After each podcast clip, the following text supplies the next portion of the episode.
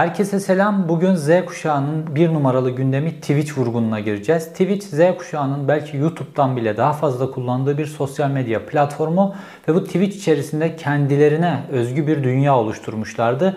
Fakat bu Twitch'in içerisine de yolsuzluk ve vurgun girdi ve Z kuşağından içerik üreticilerinin de dahil olduğu bir yolsuzluktu. Fakat bu vurgun ve yolsuzluğun aynı zamanda uluslararası bir boyutu da var. Fakat Z kuşağı tartışmayı daha çok birbirlerinin üzerinden yürütüyorlar ve tabiri caizse torbacılarla uğraşırken esas olarak organizatörleri gözlerinden kaçırıyorlar. Oysa bu organizatörlerin içerisinde Türkiye'de son dönemde neredeyse bütün büyük yolsuzlukların içerisinde bir biçimde bulunan İranlı organizatörler de var. İşin Gürcistan'a bakan boyutu da var. İşin yerel işbirlikçileri de var. Fakat bunların hepsine gözünü yuman bir de devlet otoritesinden kesimler var. Ayrıca bunu fırsata çevirmeye çalışan ve son günlerde Z kuşağını doğrudan hedef alan isimler var. Bunlar Erdoğan iktidarına çok yakın gazeteciler ve Z kuşağını zırt kuşağı gibi çeşitli hakaretlerle adlandırıyorlar ve bu şekilde de boğmak istiyorlar. Çünkü aynı zamanda bu Twitch gibi platformlarda pek çok şey muhalif eksende dönüyorlar ve buraya Erdoğan iktidarı ve ona yakın isimler nüfuz edememiş durumda. Bunlar için de bir fırsat. Aynı zamanda kendileri içinde büyük bir yolsuzluğu, kara para operasyonunu yürütebilecekleri bir alan olarak görüyorlar. İşin içerisinde kuşkusuz devletin göz yumması var. İşin içerisinde küçük oyuncular var. İşin içerisinde çok büyük oyuncular var. Fakat Twitch vurgunu son günlerde Z kuşağının bir numaralı gündemi. Bu videoda hem Twitch platformu hem Twitch vurgunu hem bunun neden Z kuşağının bir numaralı gündemi haline geldiğini anlatacağım. Hem de vurgunun derinlemesine boyutlarını, vurgunun esas büyük organizatörlerine doğru beraberce uzanacağız. Yine dop dolu, yine bilgi dolu bir videoyla karşınızdayım.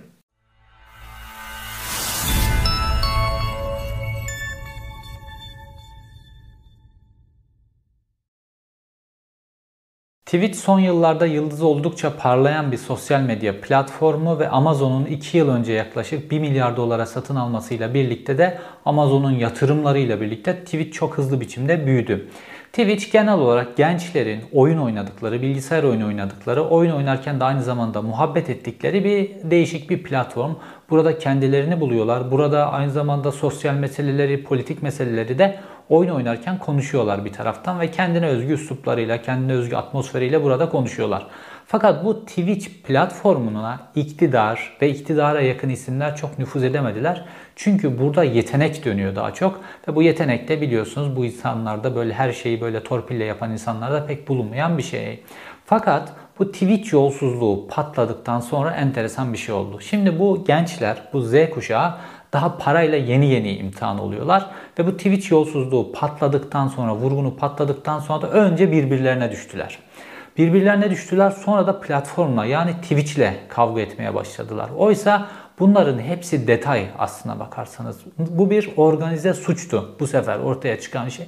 Organize bir yolsuzluk. Dolayısıyla organize yolsuzluklarda ayak takımının çok önemi yoktur. Yani bir uyuşturucu ile ilgili mesela bir organizasyonda Satıcılar yani torbacı dediğiniz kişiler çok önemli değildir. Torbacıları polis tutuklasa, hepsini tutuklasa ertesi gün organizatörler aynı sayıda torbacı bulabilirler. Esas olan organizasyonun tepesine, esas babalara gitmek. İşte bu Twitch yolsuzluğunda, Twitch vurgununda da bu Z kuşağı dediğim gibi parayla böyle daha ilk defa belki böyle bir şeyle karşılaşıyorlar. O yüzden birbirlerine düştüler. Daha çok birbirleriyle ve platformla kavga ediyorlar. Oysa enerjilerini bu organizasyonu yapanlara yöneltmeleri lazım. Bu Z kuşağını bu işe bulaştıranlar kim? Enerjilerini oraya doğru yönlendirmeleri lazım. Şimdi gelelim bu Twitch yolsuzluğunun daha doğrusu bu Twitch ile ilgili bütün bu skandalın patladığı olayın başlangıç noktasına. Twitch ile ilgili vurgunu yine Z kuşağının kendisi ortaya çıkardı. Başkası değil. Kimse onlara yardım etmedi. Yine kendileri ortaya çıkardılar. Ve bu enteresan biçimde oldu. Yine Z kuşağına yaraşır bir biçimde oldu. Rus bir hacker Twitch platformunu hacklemeyi başardı ve Twitch'te kim ne kadar para kazanmışla ilgili datayı elde etti ve bunu internette Archive.org sitesinde yayınladı. Sonra da başka yerlere de kopyalandı. Bu ortaya çıkınca yani kimin hangi yayıncının ne kadar kazandığı ortaya çıkınca yayıncılar kendi kazançlarıyla diğer yayıncıların kazançlarını karşılaştırma olanağı buldular. Bu olunca bir de ortaya şu çıktı ki bazı büyük yayıncılar var. İşte 500 bin, 1 milyon, 1,5 milyon abonesi olan yayıncılar ve izlenmesi de ona göre çok yüksek olan yayıncılar. Bir de daha düşük yayıncılar var. Fakat neredeyse onlarla onlar kafa kafaya kazanıyorlar. Ya da izlenmesi çok düşük yayıncılar işte 30 filan 40 abonesi olan yayıncılar bakıyorsunuz 3000 5000 dolarlar para kazanmışlar ayda. Böyle olunca ortada bir mantıksızlık olduğunu çok kısa sürede işte bu Z kuşağındaki bütün bu yayıncılar keşfettiler ve bunun nasıl olduğuna ilişkinde bazı itiraflar ortaya çıktı. Ve bununla birlikte de ortaya bazı isimler çıktı. Bütün bu organizasyonu e, gerçekleştiren isimler. Mesela bunlardan bir tanesi Bora Şaraplı denen bir isim. Bir diğeri Trekmi nüfuzlu, rümuzlu bir isim. Fakat bunların hepsine baktığımızda aslında bunlar evet yolsuzluğu organize eden isimler ama bunlar daha düşük düzeyde yolsuzluklar organize eden kişiler. Bu işin içerisinde işte dediğim gibi İranlılar var, daha büyük organizatörler de var. Fakat organizasyonun nasıl olduğu az buçuk hemen ortaya çok kısa sürede ortaya çıktı. Bu da bitler üzerinden dönüyor. Nasıl oluyor? Bu organizasyonları yapanlardan bir tanesi Bora Şaraplı. Diğeri Trekmi denen Rumuzlu denen kişi. Ve bunlarla ilgili bu yolsuzluğa nasıl karıştığına ilişkin işte bu Z kuşağından bazı işte küçük yayıncılar konuyu zaten anlattılar, paylaştılar. İşte bu platformda paylaştılar. Sonra bunların hesapları kapatıldı vesaire. Ama olay şu şekilde oluyor. Bu Bora Şaraplı denen kişi geliyor bu küçük yayıncılara diyor ki ben diyor işte Amerika'da vesaire serverlar kiraladım. Bunlar bot serverlar ve bunlar üzerinden ben reklam izlemesi yapıyorum. Yani ne demek? Bu reklamları normalde gerçek insanlar izleyince e, gelir elde ediyorsunuz ya. Fakat bunlar bu reklamları makinelere izletiyorlar esas olarak. Makinelere izletiyorlar. Dolayısıyla buradan bir bit geliri elde ediyorlar. Ve diyorlar ki biz bu bit gelirlerini senin hesabına e, işte bağış gibi göndereceğiz. Bu hesaptan Türkiye'ye gelince sen al bunun işte %5'ini kes, %10'unu kes, %20'sini kes. İşte orana göre, izlenmenize göre %30'unu kes. Yarısına kadar varan oranlar var. Gerisini de bizim hesabımıza gönder. Nasıl gönder? Papara üzerinden gönder. Nasıl gönder? Bitcoin olarak gönder. Doğrudan hesaba nakit olarak şekilde gönderme. Bu dolan başlı yollarla hesabımıza gönder. Ve bunu bazı yayıncılar, küçük yayıncılar kabul ediyorlar ve bu organizasyon başlıyor. İşte hesaba paralar geliyor, bitler geliyor. Onlar paraya çevriliyor, coin üzerinden gönderiliyor vesaire. Fakat ilk başlarda bu Bora Şaraplı denen kişi bu paraları papara üzerinden alınca orada ismi Bora Şaraplı olarak geçiyor. Çünkü Bitcoin üzerinden gönderince işte bu soğuk cüzdan vesaire mevzuları çok orada isimler ortaya çıkmıyor. Fakat bu Bora Şaraplı'nın gerçek bir isim olduğu söyleniyor. Fakat bu gerçek isimle ilgili şu ana kadar hiçbir işlem yapılmamış durumda. Bir de diğer bir yöntem var. Diğer yöntem de Türkiye'nin içerisindeki kara paranın aklanması, bunun eritilmesiyle ilgili mesele. İşte burada da bu sanal kazinolar var bildiğiniz. İşte bunların pek çoğu da illegal. İşte merkezleri Kıbrıs vesaire. Fakat bunlar Türkiye'nin içerisinde de iş yaptıkları için işte Türkiye'de kazandıkları parayı bir şekilde dışarı çıkarmakla ilgili problemleri var. Ve bu kazinocular da diyorlar ki işte biz size bit üzerinden para gönderelim. Bu bitler satın alalım. Bitleri size gönderelim. İşte sonra bundan komisyonlar kırın filan bu komisyonları kır kırdırıyorlar ve bu şekilde parayı başka hesaplara transfer ediyorlar. Çünkü çok fazla sayıda kullanıcı var Twitch platformu üzerinden ve şu ana kadar tespit edilen düzeyde 2400 tane içerik üretici bu şekilde bu yolsuzluğun içerisine bulaştırılmış bir biçimde. Fakat bunları anlatılırken dediğim gibi işte bunlara uzak masa üstü bilgisayarlardan bot hesaplarının o e, yazılımların nasıl kullanıldığını filan gösteriyorlar. İlk başta hiç kimse olayın daha karanlık boyutunu bu kullanıcılara göstermiyor. Çünkü bunların hepsi dediğim gibi çok genç çocuklar. Ve ilk başta da bu işe başlarken işte ayda 100 dolarlar, 200 dolarlar, 300 dolarlar gibi paralar geliyor. Öyle çok büyük bir para yok. Fakat bir süre sonra hesaplara 1000 dolarlar, 2000 dolarlar, 3000 dolarlar aylık gelmeye başlıyor ve bundan bazı kullanıcılar korkuyor ve bu sistemin dışına çıkıyorlar. Fakat bazıları devam ediyorlar. Ve bir süre sonra da işin içerisine artık sistemden çıkamayacakları şekilde tehditler giriyor. Çünkü gazinocular işin içerisine, kasinocular işin içerisine giriyor ve onların girmesiyle birlikte de tehditler başlıyor. Fakat para böyle sürekli akmaya başlayınca böyle biliyorsunuz daha da aç gözlük başlıyor ve bu Bora Şaraplı ve bu Trekmi denilen kişiler Daha sonra daha uluslararası boyutta insanlarla devreye giriyorlar. Bu Bora Şaraplı denilen kişi de aslında 22 yaşlarında bir tane çocuk. Böyle kendine göre zeki ve böyle bir sistem icat ettiğini düşünüyor. Fakat daha sonra hemen daha büyük çetelerin radarına takılıyor. Ve böyle bu sisteme giren kişilerin sayısı da sürekli arttığı için artık bit de yetmemeye başlıyor. Yani bu botlar üzerinden reklam izletme filan bunlar yetmemeye başlıyor. Ve işte dediğim gibi böyle daha ulusal ve uluslararası çapta çeteler bu işin içerisine kredi kartı yolsuzluğunu sokalım diyorlar. Ve buradaki odaklardan bir tanesi de geçmişte Türkiye'de büyük biçimde kredi kartlarını patlatmış, pek çok kredi kartı numarası ve şifresini elde etmiş. Daha sonra bu kredi kartlarından yaptığı vurgunu Kıbrıs'taki e, kasinolar üzerinden aklamış ve daha sonra da bu paralarla birlikte Gürcistan'a kaçmış bir çete var. Bu çete aynı zamanda bu kredi kartı işinde uzman oldukları için bunlar Brezilya'dan pek çok kredi kartını kırıyorlar ve bunlar üzerinden bitler satın alıyorlar. Bitler satın aldıktan sonra da işte bu bağış yöntemleriyle bunları bu e, Twitch üzerinden içerik üreticilere sürekli bit üzerinden bağış gönderiyorlar, bağış gönderiyorlar. Sonra da bu parayı Türkiye'de kendi Bitcoin hesaplarına şuna buna havale etmelerini istiyorlar ve o şekilde parayı dolandırıyorlar. Bunlar bir kısmı. Fakat olayın daha büyük kısımları var ama bütün genel olarak bu kısım üzerinden tartışıldı. Twitch üzerinden. Özellikle Twitch'teki büyük yayıncılar mesela Yahren gibi yayıncılar bu işin üzerine gittiler. Bu işi tartıştılar. Bu işin e, açığa çıkartılması için Twitch platformunu çok fazla zorladılar.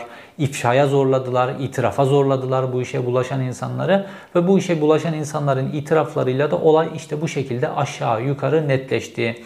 Fakat Sonra birbirlerine çok fazla düştüler ve esas o da işte bu işe bulaşmış bütün böyle Twitch hesaplarının, Twitch kullanıcılarının, Twitch içerik üreticilerinin hesaplarının kapatılmasına kilitlediler. Evet bu hesaplar kapatılabilir. Belli ölçüde zaten birkaç yüz hesapta kapatıldı aslına bakarsanız. Ha bu işi itiraf edip de hala hesapları kapatılmayanlar da var. Fakat bu hesapları kapatmak asıl mesele değil. Bu organizasyonları kim yürütüyor? Esas bu organizasyonları kim icat etti? Bu genç çocukları bu işin içerisine nasıl itti? İşte bazılarını farklı şekillerde ikna ederek daha masum böyle reklam gösteriyoruz filan gibi şeylerle gelerek olayın başında kredi kartı vurgun olduğunu filan kimse bilmiyor. Esas bu organizatörler kim? Yani musluğu oradan kapatmazsanız onlar başka Twitch kullanıcıları bulur. O platformdan çıkar başka yere gider. YouTube'u kirletir, orayı kirletir, burayı kirletir. Esas bunların üzerine gidilmesi gerekiyordu. Fakat dediğim gibi bu Twitch'teki büyük hesap sahipleri, büyük içerik üreticiler, büyük yayıncılar daha çok birbirlerine düştüler. İşte bu işe karışan kişileri kirli ilan ettiler filan. Doğru evet kire bulaşmışlar. E, temiz Twitch diye bir kampanya yürütüyorlar. Son derece saygın bir kampanya.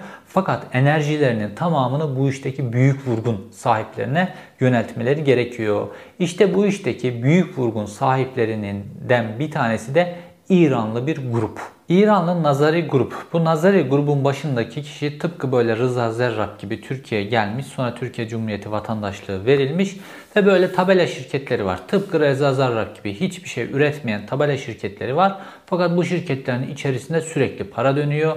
İşte İstanbul'da süper lüks spor arabalarla geziyor. Acarkent'te villası var orada oturuyor en böyle lüks plazalarda ofisleri var ve ofislerini sürekli değiştiriyor. İçinde doğru düzgün çalışan olmayan, sürekli ofislerinin değiştiği şirketler var. Bir şirket açılıyor, bir şirket kapanıyor. Türkiye'de şirket var, İsviçre'de şirket var, Almanya'da şirket var. Orada burada bir sürü şirketler kuruluyor farklı yerlerde.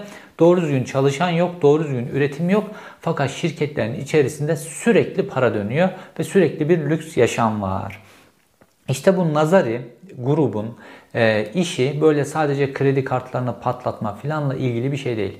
Bunun daha büyük işler olduğunu düşünüyorum ben ve böyle İran eksenli grupların içerisine baktığımızda iki şey döner İran'la ilgili meselelerde. Birincisi işte Afganistan üzerinden gelip İran'dan Avrupa'ya giden uyuşturucu ile ilgili mesele. O paranın işte uyuşturucunun esas satıldığı yerlerden Türkiye transferi oradan da bir şekilde İran'a götürülmesiyle ilgili mesele var. Bunu aklamaya çalışırlar. Bir de işte İran'ın bu ambargolar, şunlar bunlar meselesiyle farklı yerlerde takılan paralar var. Bunların bir şekilde kullanılması, oradan alınan komisyonlar var ki böyle çok 10 milyarlarca dolar paradan bahsediyoruz. Bunların kurtarılmasıyla İran'a çekilmesiyle ilgili meseleler var. Bir de bildiğimiz İran eksenli klasik e, kaçakçılıkla ilgili meseleler var. Fakat İran'da işte bu kredi kartı yolsuzluğu, başka kara para meseleleri filan bunların hepsine hükümet politikası olarak göz yumuyor. Dolayısıyla vatandaşları dünyanın çeşitli yerlerinde bu kara para işlerine karışırlar. Sonra kaçıp İran'a gittiklerinde İran'a da bunlara hiçbir biçimde dokunulmaz. Türkiye'de de böyle hatırlarsanız Böyle bazı büyük mafya babaları Türkiye'de adam öldürdüler, uyuşturucu işine girdiler, pek çok şey yaptılar. İran kökenli insanlar bunlar. Daha sonra İran'a gittiler. İran'da özgürce yaşıyorlar. O kazandıkları milyarlarca paraları da İran'a götürdüler. Şimdi bu Nazari grup denen kişinin de ben böyle kredi kartı yolsuzluğu değil bunun dışında böyle saydığım diğer kara para meselelerinden bazılarını organize ettiğini düşünüyorum. Çünkü bu kişinin son 3 yılda mesela bu Bora Şarap'la filan bunlar böyle 3 yıllık mazili isimler değil. Zaten 22 yaşında bir çocuk. Fakat bu Nazari grup bu Twitch üzerinden kara para aklama meselesini 3 yıldır yapıyor ve bunlar doğrudan böyle daha biraz daha böyle etli butlu orta seviyedeki yayıncılar üzerinden bu işe başlamışlar ve bu yayıncıları mekanlarına davet ediyorlar. İşte Acarkent'teki mekanında ağırlıyor bunları. Her taraftan dolarlar fışkırıyor falan filan. Bunu bazı Twitch kullanıcıları da anlattılar böyle. Hatta mailler de geldi bana falan böyle bununla ilgili. Bazı kullanıcılardan itiraflar geldi. Bu o atmosferi çok güzel çizdiler.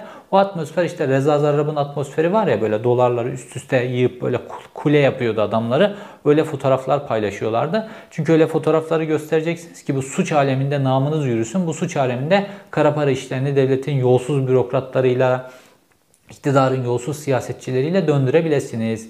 İşte bu Nazari grup da böyle işte Acarkent'teki e, mekanına bu orta seviyedeki Twitch e, içerik üreticilerini çağırıp böyle dolarlarla şov yapan filan bir grup. Spor arabalarla şov yapan bir grup. Fakat dediğim gibi sürekli şirketler değiştiriyorlar ve bu parayı bir şekilde aklıyorlar ve Türkiye üzerinden de bir şekilde İran vesaire gibi kendilerini daha güvenli hissedecekleri yerlere çekiyorlar. Fakat bu İran'la ilgili konu bundan ibaret değil. Bu İran'ın, İranlı iş adamlarının daha doğrusu Türkiye'ye son dönemde ilgi gösteren iş adamlarının bu kara para meselesiyle ilgili son derece e, ilginç ve hızlı girişimleri var. Şimdi hükümet Erdoğan hükümeti bu dolar meselesinden çok böyle sıkışınca ve böyle Türkiye'deki demokrasiyi, hukuku yok ettikten sonra Türkiye'deki gerçek doğrudan yatırım yapmaya gelen yabancı sermaye Türkiye'den böyle harıl harıl kaçınca bu dolar meselesi iyice sıkışık hale geldi ve hükümet de politik olarak kara parayı artık hiç dokunulmaz bir hale getirdi. Yeter ki Türkiye'ye para getirin, nasıl getirirseniz getirin dedi.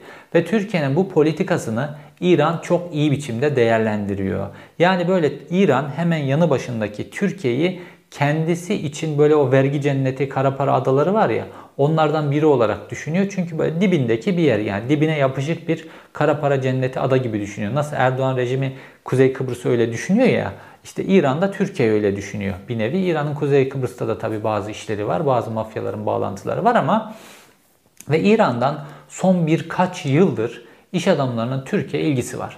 Bu iş adamları geliyorlar Türkiye'de böyle işte bu Nazari Grup gibi tabela şirketler kuruyorlar. Ve bu tabela şirketlerinin içerisine para pompalanmaya başlıyor. Şimdi tabii bu şirketlerin içerisine çok fazla para pompalarsanız ve bunu bir şekilde kılıfına uydurmazsanız uluslararası radarlara takılma ihtimaliniz var. İşte Amerika'nın radarına, Avrupa Birliği'nin radarına filan takılma ihtimaliniz var.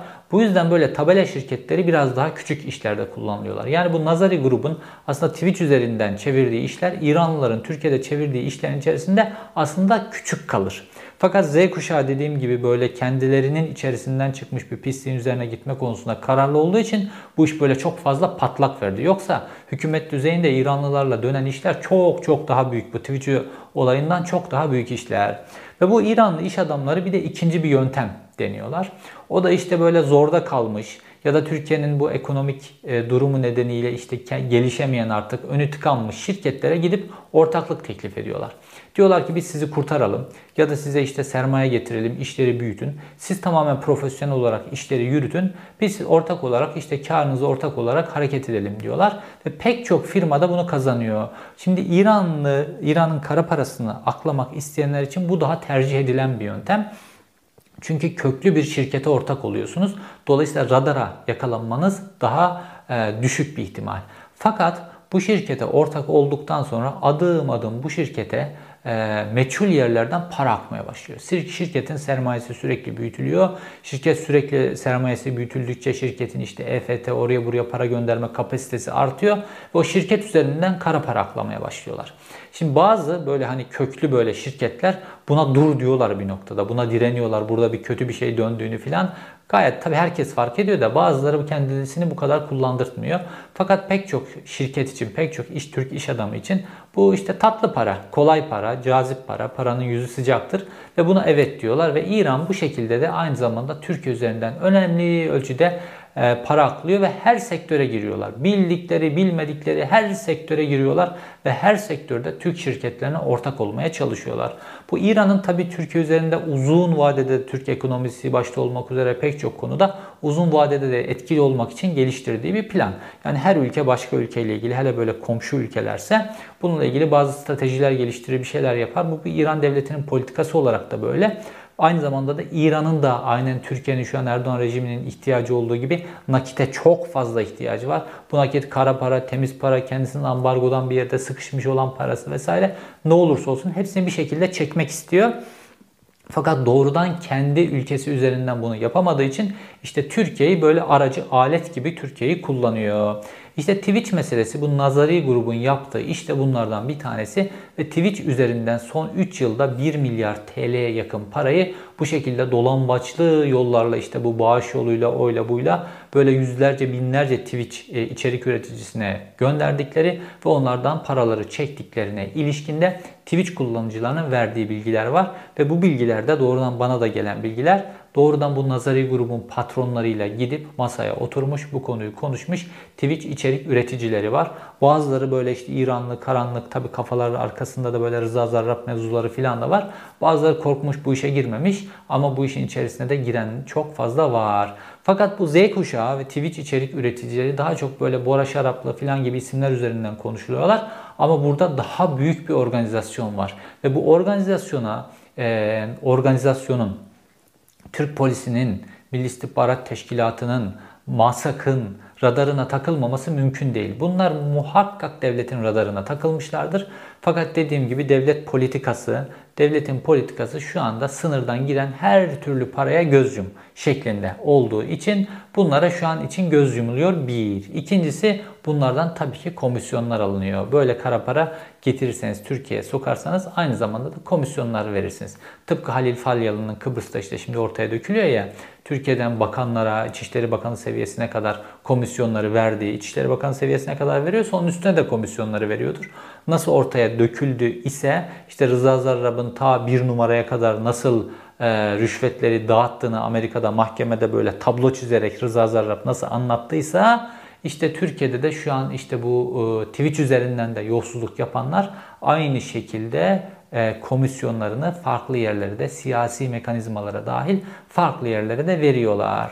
Şimdi işin bir diğer boyutu bu Z kuşağı meselesi ve bu Z kuşağı meselesiyle hükümetin bir problemi var. Şimdi burada hükümet ileride istediği zaman kullanabileceği aynı zamanda da bir yara oluşturuyor ve biz bunun izlerini de yandaş medyadaki bazı kalemlerden çok kolay biçimde yakaladık. Hükümetin bu Z kuşağıyla problemi var. Özellikle bunu biz böyle daha görünür biçimde sokak röportajlarında görüyoruz. İşte geçen bir videoda da e, örnek verdim. Sokak röportajında bir tane genç kız diyor ki 80 milyona kelepçeleri yetmez diyor bir genç kız. Ve bunun gibi daha böyle 14-13 yaşındaki çocuklar bile böyle koskoca siyasilerin bile yapamadığı eleştirileri sokak röportajlarında açık açık yapıyorlar. Çünkü bu çocuklara hükümetin nüfuz edememesinin sebebi işte bu Twitch gibi platformlar. Çünkü hükümet daha çok böyle kitlelere nüfuz edebilmeyi televizyonlar üzerinden sağlıyor. Fakat bu Z kuşağı dediğimiz kişilerin, Z kuşağı dediğimiz gençlerin televizyonlarla bir ilgisi yok. Televizyon izlemiyorlar. İşte benim çocuklarım da mesela hayatlarında televizyon denen bir şey yok. Hep bu tip platformlardalar. Dolayısıyla da bunlar A Haber'e maruz kalmıyorlar. Maruz kalmayınca da işte hükümetin tamamen bu e, propagandasının dışında kalıyorlar. Bu Twitch gibi platformlarda da olay genelde muhalif eksende, muhalefette dönüyor. İşte hükümetin e, hatta böyle mantar gibi her yere imam hatip açıyor ya o imam hatipteki gençlere bile nüfuz edemiyor hükümet. Çünkü bunların hepsi de aynı zamanda bu platformdalar. Ve bu platformda da böyle daha çok konular harbi konuşuluyor. Harbi konuşulunca da işte bu normal hayattaki bütün yolsuzluklar, vursuzluklar, kendi ailelerinin, annelerinin, babalarının nasıl e, fakirlik içerisinde yaşadıklarını, kendilerine bir gelecek sunabilmek için nasıl çırpındıkları, gecelere kadar nasıl çalıştıkları, nasıl yoruldukları, evinin kirasını ödeyebilmek için nasıl çırpındıkları dahil bütün konular dönüyor burada. Ve olay tamamen muhalif eksende dönüyor. Şimdi hükümet de buradan işte e, bir e, nüfuz etkisi oluşturabilmek için bazı politikalar geliştirdi. Ta işte bu Erol Olçok döneminden beri geliştirilen politikalarda böyle Twitter üzerinden belli ölçüde etkili oldular. Çünkü aslında Twitter'da böyle biraz daha yüksek yaş gruplarına hitap eden bir yer. Fakat böyle Twitch gibi, YouTube gibi platformlarda çok etkili işler çıkartamadılar. Neden? Çünkü buralarda böyle esas olarak yetenek konuşuyor. Şimdi medyada ya gerek böyle hükümetin torpiliyle ilerleyen medyada işte hükümetin para, reklam basarak bir şeyler yaptırdığı medyada gerekse de Türkiye'nin geçmiş medyasında böyle yetenekli insanların hep önü tıkalıydı. Böyle kas sistemi diyebileceğimiz belli insanlar belli köşeleri tutmuş. işte belli iyi gazetelerin, iyi televizyonların köşe başlarını tutmuş. Hep böyle işte kendi adamlarının önünü açtıkları, siz ne kadar yetenekli muhabiri olursanız olun hiçbir zaman medyada yükselemeyeceğiniz bir düzen vardı. Çünkü hep böyle birbirleri gibi adamları tuttukları bir düzendi. Bu bir kas sistemi vardı medyada da. Fakat bu yeni medya, YouTube gibi platformlar, Twitch gibi platformlar bunlar yetenekli insanların önünü açtılar. Benim mesela şu an hiçbir patronum yok. Hiç kimseye böyle gidip yalakalık yapıp da işte bir pozisyon alabileceğim bir duruma ihtiyacım yok doğrudan halkla temas kurabiliyorsunuz ve doğrudan kendi bilginizi, birikiminizi, mesleki yeteneğinizi, çalışkanlığınızı doğrudan halka gösterebiliyorsunuz ve halk da sizi takdir ediyor, izliyor, izlemiyor, eleştiriyor, like atıyor, dislike atıyor filan sizin performansınızı değerlendiriyor. Doğrudan halkla temasınız var. İşte burada yetenek konuşuyor ve burada herkes eşit. Artık böyle sizin geldiğiniz aile sizin önünüzü birinin açması, açmaması, size verilen titrler, propagandalar onlar bunların hiçbirisi işe yaramıyor. Ne kadar yeteneklisiniz, ne kadar yetenekli gazetecisiniz, ne kadar yetenekli işte bilgisayar oyuncususunuz. Bunların hepsi artık tamamen size kalmış oluyor. Halk doğrudan sizi değerlendiriyor arada hiçbir aracı olmadan. İşte bu Erdoğan rejimi ve onun adamlarında da yetenek yok. Çünkü hep böyle torpille, o kayırmayla, oraya buraya gelmeye alıştıkları için bu yeteneksizlikle işte bu Twitch gibi platformlarda da başarılı olamıyorlar. YouTube gibi platformlarda da başarılı olamıyorlar. O zaman bunları boğalım istediler. Ve işte o meşhur sosyal medya platformları ile ilgili yasayı çıkardılar.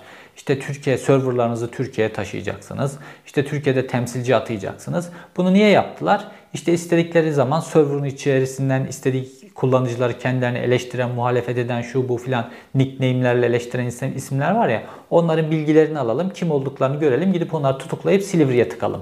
Birincisi bu. İkincisi de Türkiye'de bir temsilci bulunduracaklar. Hani mesela böyle gazetede bir gazete çok muhalefet yaparsa hemen yayın yönetmenini alıp tutukluyorlar ya. Mesela ben 2015'te Nokta dergisinde muhalefet yaptığım için beni alıp tutukladılar. O kolay işte bir YouTube'un, Twitch'in Türkiye'de bir temsilcisi olsa onu alıp tutuklayacaklar. Dolayısıyla da o platformu boğacaklar.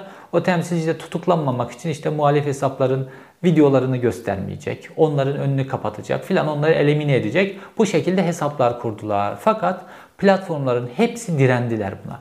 Ve e, göstermelik olarak bir süre sonra temsilci atasalar da atadıkları temsilci Türkiye'de yaşamayan, başka ülkelerde yaşayan temsilciler. Ve Tayyip Erdoğan da bu platformların hepsini yasa çıkarmış olmasına rağmen kendi çıkardığı yasayı uygulayamadı. Sözde bu platformlar bu dediklerini yapmazlarsa kapatılacaklardı. Fakat kapatılamadı. Çünkü platformlar birlikte direndiler bu işe. Şimdi bu Twitch ile ilgili meseleyi işte bu şekilde kullanmakla ilgili bir şeyler konuşuluyor. İşte burada bir para meselesi dönmüş, o bu filan dönmüş ama fakat enteresan bu işi döndüren mafya grupları aynı zamanda da onların içindeki adamlara para yedirdikleri için kapatamıyorlar. Hani para tatlı ya sürekli devam etsin. Buradan altın yumurtlayan tavuğu kesmeyelim diye bu işi devam ettiriyorlar. Fakat işte Z kuşağını gömmek için ellerine bir fırsat geçmiş oldu. Şimdi geçtiğimiz günlerde böyle en Erdoğanist yazarlardan bir tanesi Ali Karahasanoğlu, Akit gazetesinin iki patronundan bir tanesi bir yazı yazdı böyle doğrudan Z kuşağını hedef aldı ve Z kuşağını zırt kuşağı diye kendine göre işte böyle sulu, böyle iğrenç bir üslup bu şekilde hedef alıyor bu çocukları. Bizim çocuklarımız, bizim gençlerimiz, geleceğimiz bunları bu şekilde hedef alıyor. Bütün aklı başındaki toplumlar, devletler böyle gençlerini e, motive etmek için çalışırlar. Bu bizim ülkemizde de iktidar gençleri böyle yerin dibine sokmak için uğraşıyor adeta. Sürekli ya biri çapulcu diyor. Tayyip Erdoğan çıkıyor çapulcu diyor gençlere. O biri zırt kuşağı diyor filan. Bu şekilde hedef alıyorlar. Çünkü Z kuşağıyla ilgili problemleri var. Bir türlü Z kuşağına nüfuz edemiyorlar. Hatırlarsanız Nokta dergisinde 2015 yılında, tabi hatırlamaz insanlar da, 2015 yılında Tayyip Erdoğan 7 Haziran seçimlerinde tek başına iktidar olmayı kaybedince Adalet ve Kalkınma Partisi kendi içerisinde bir değerlendirme toplantısı yapmıştı. Bir dizi değerlendirme toplantısı basına kapalı. Bu değerlendirme toplantısının da notlar olmuştu. Biz bu notları elde etmiştik 2015 yılında ve bu notları biz yayınladık. AKP günlükleri başlığıyla iki sayıda yayınladık. Ve bu notlarda da daha sonra işte bu notları yayınlamamamız için mahkeme kararları çıkardılar o bu filan.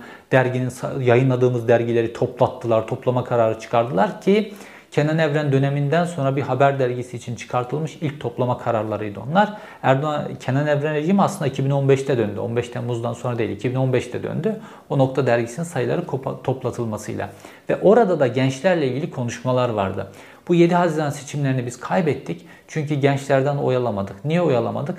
İşte bu platformlarla ilgili meseleleri e, konuşuyorlardı. Konuştukları meselelerden bir tanesi de buydu. Çünkü buralara nüfuz edemedikleri için o gençleri elde tutamıyorlardı. Sonra tabii işte Hendek olayları, milliyetçilik rüzgarları, şu bu filan seçimi tekrar döndürdüler. Fakat şimdi olaylar daha enteresan bir noktaya geldi ve bu platformların tamamına hakim olmakla ilgili e, planları var.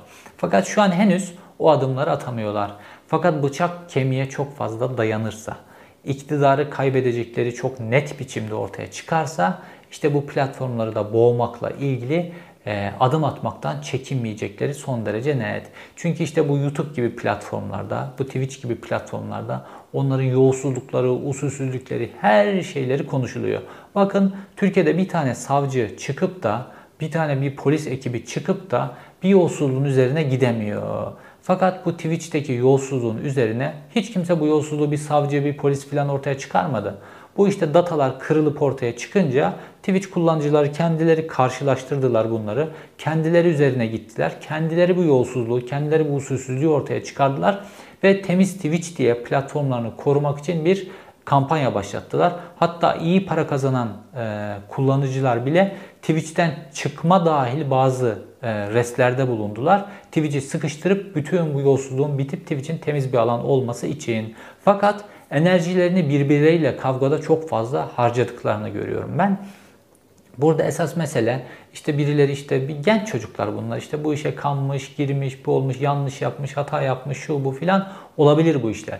Bunlarla ilgili yasal olarak cezaları varsa bunları tabi almalılar. O paralar onlardan alınmalı. işte bilmiyorum hazineye mi verilmeli. Onların hepsi ayrıca konuşulacak konular. Fakat esas enerjiyi bu organizasyonu kim yapıyor? Bu organizasyonun büyük oyuncular kimler? Ve her şeyi gören, her şeyden haberi olan, ondan sonra sokakta bekçisinden tutun da polisine kadar her noktada ki kişi başına düşen polis sayısı Avrupa Birliği'nin kaça katlamış durumda bir devlet, her yere ahtapot gibi uzanmış bir devlet nasıl oluyor da burada dönen yolsuzluğu, burada dönen dolapları görmüyor? Günlerdir Twitch'teki içerik üreticiler, her yerden bu işi anlatıyorlar. İşte Bora şaraplarının ismini veriyorlar, başka kişilerin ismini veriyorlar. Hatta CİMER'e şikayet ediyorlar. İşte şu şu şu kişi bu yolsuzlukları işte organize eden kişiler, İranlı şu adam, bu adam falan filan diye hepsini bu TC kimlik numaralarına kadar bana dahi gönderdiler ve CİMER'e de bu şekilde bildirmişler. Telefon numaralarını bildirmişler. Hiçbir şey olmuyor. İşte bunun neden olmadığını sorgulamalı Z kuşağı. İşte bunun neden olmadığının üzerine gitmeli Z kuşağı. Birbirleriyle enerjilerini harcamamalı. Çünkü bu iş devlet devlet olsa bu işlerin hiçbir tanesi olmaz. Devlet devlet olmadığı için bu işlerin hepsi oluyor. Çünkü devlet mafya devletine dönmüş durumda. Daha önce de anlattım. Bu ülkede mahkeme kararları uygulanmıyor. Mahkeme kararları mafya düzeninde uygulanmaz. Mafya düzeninde mahkeme kararı yoktur. Mafya babasının hükmü vardır. Türkiye'de de şu an işin hükümle yürüyor. Bu şekilde yürüyor. Dolayısıyla da enerjinizi gençler, Z kuşağı birbirinizde harcamayın. Bu organizatörlerin en tepedeki isimlerini ifşa edin. Çünkü kimse bunları ifşa etmeyecek. Böyle bir devletten, savcıdan, polisten, ondan bundan medet beklemeyin. Siz bunları anca ifşa yöntemiyle yok edebilirsiniz. İşte bakın genç kızlar nasıl tacizcileri ifşa yöntemiyle cezalarını veriyorlar. Görüyorsunuz o tacizcilerin hepsi iki günde serbest kalıyor. Fakat o ifşa yöntemiyle cezaları veriliyor. Bu şekilde de Z kuşağı ifşa yöntemiyle bu büyük organizatörlerin üzerine gitmeli. İşte bu İranlı kişiler kimler kimler kimler bunları ifşa etmeliler vesaire. İşte bu şekilde bu iş anca temizlenir. Yani Z kuşağı kendi göbeğini kendi kesmeli. İzlediğiniz için teşekkür ederim. Bir sonraki videoda görüşmek üzere.